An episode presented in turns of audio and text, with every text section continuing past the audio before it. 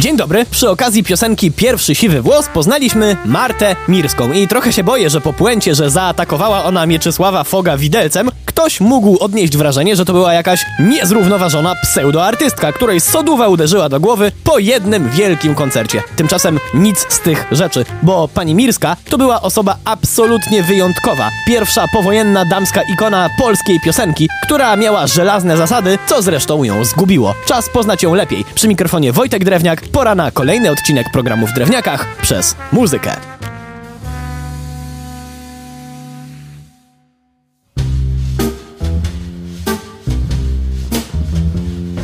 Przyszła na świat 12 lutego 1918 roku i sama o sobie w czasie wywiadów mówiła, że ma tyle lat co wojsko radzieckie. Co prawda urodziła się w Warszawie, ale my od razu przenieśmy się do Wilna, gdzie i państwo Nowakowie przenieśli się po jakimś czasie. Tak jest, Nowakowie, bo tak się jeszcze wtedy nazywała Alicja. Z zaraz, moment. Jaka Alicja? Spokojnie, to cały czas nasza dzisiejsza bohaterka. A czemu dziś znamy ją pod totalnie innym nie tylko imieniem, ale i nazwiskiem? Cierpliwości. Wróćmy do Wilna, które nie miało lekko w czasie II wojny. Przechodziło z rąk do rąk, ale mimo to nadal czuć było klimat przedwojennej inteligencji i kultury, która nadal biła z lokalnych kawiarenek. Wilno było takim kulturalnym schronem w tych chorych czasach. Czy to właśnie ten klimat przekonał młodą Alicję, żeby została piosenkarką? Nie do końca, bo Ala chciała zostać lekarzem. Jednak los miał inne plany. Był rok 1940 i mimo, że czasy były ciężkie, to w Wilnie zorganizowano konkurs młodych talentów. Mało brakło, a Ala by się nie zgłosiła, bo w wymaganiach napisano, że poszukuje się ładnej dziewczyny z głosem altowym. Co do tej drugiej kwestii, to wszystko się zgadzało. Natomiast co do własnej urody, jak chyba każdy człowiek, Alicja miała pewne wątpliwości. Zupełnie zresztą niepotrzebnie. Tak czy inaczej postanowiła spróbować. Z jakim skutkiem? Po zaśpiewaniu włoskiego utworu, do którego tekst zaimprowizowała, przewodniczący komisji wstał i stwierdził prosto z mostu: Dziękujemy, od jutra u nas pani występuje. A to nie była jedyna radosna informacja. Uuu.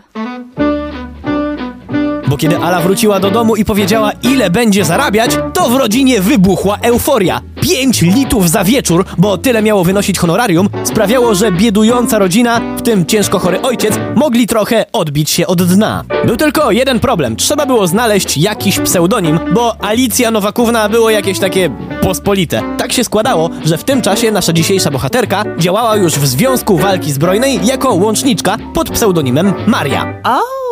Postanowiła przyjąć to imię również jako sceniczne. A co z nazwiskiem? Niestety nie do końca wiadomo, kto uznał, że pasowałoby Mirska, ale zainteresowanej spodobało się na tyle, że od tej pory możemy już o naszej bohaterce mówić Marta Mirska, której niesamowitej kariery pewnie nikt się jeszcze wtedy w rodzinie nie spodziewał. Co więcej, ta kariera nabierała rozpędu dość szybko, za sprawą nie tylko talentu, ale i świetnych ludzi, na jakich Marta trafiła. Wykonywała nie tylko piosenki w kawiarniach, ale była też częścią kultowego kabaretu Minkiewicza. Przy czym wyjaśnijmy sobie, że kabarety kiedyś to była zupełnie inna forma sztuki. Rozrywka z ogromną klasą, a nie ta potwarz dla ludzkiej godności i humoru, jaką dziś prezentuje większość, pożal się Boże, kabaretów. Poza tym Mirska regularnie współpracowała z różnymi stacjami radiowymi. Kontrakt płytowy był tylko kwestią czasu.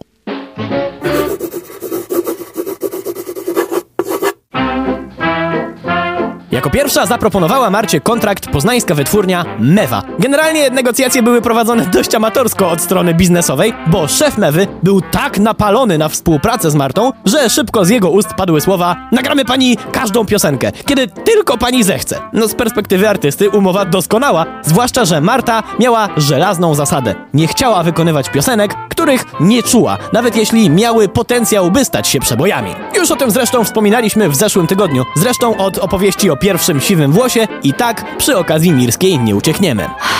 To jednak nie tak, że Mirska nie miała innych świetnych piosenek. Nie, nie. Numery takie jak Pocałuj raz, Pocałuj dwa, Wspominałam ten dzień czy Rumba Negro i wiele innych, bo dla samej Mewy nagrała 56 piosenek, sprawiły, że na koncerty Marty Mirskiej przychodziły gigantyczne tłumy. A Marta nie gardziła żadnym występem i to nie dlatego, że chciała jak najwięcej zarobić.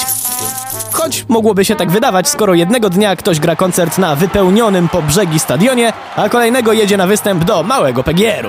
Większość artystów pogardziłaby takimi warunkami, ale nie Mirska, która swoją fantastyczną energię chciała przekazać wszystkim fanom i dobrze rozumiała, że nie każdego na podkarpackiej wsi stać na obejrzenie jej z pełnym składem instrumentalnym w warszawskiej filharmonii. To też jeździła do tych małych PGR-ów z samym akordeonistą, a często jej jedynym wymaganiem technicznym był denaturat. Ale spokojnie, nie piła go, tylko wlewała do miski i podpalała, żeby choć trochę ogrzać się w czasie zimowych występów. I właśnie za takie podejście do ludzi i sztuki ludzie ją pokochali, a największy przebój nadal był przed nią. Jednak historia szczytowego okresu popularności Marty Mirskiej i jej bolesny upadek przez własne zasady to już historia na kolejny tydzień. Przy mikrofonie był Wojtek Drewniak. Do usłyszenia.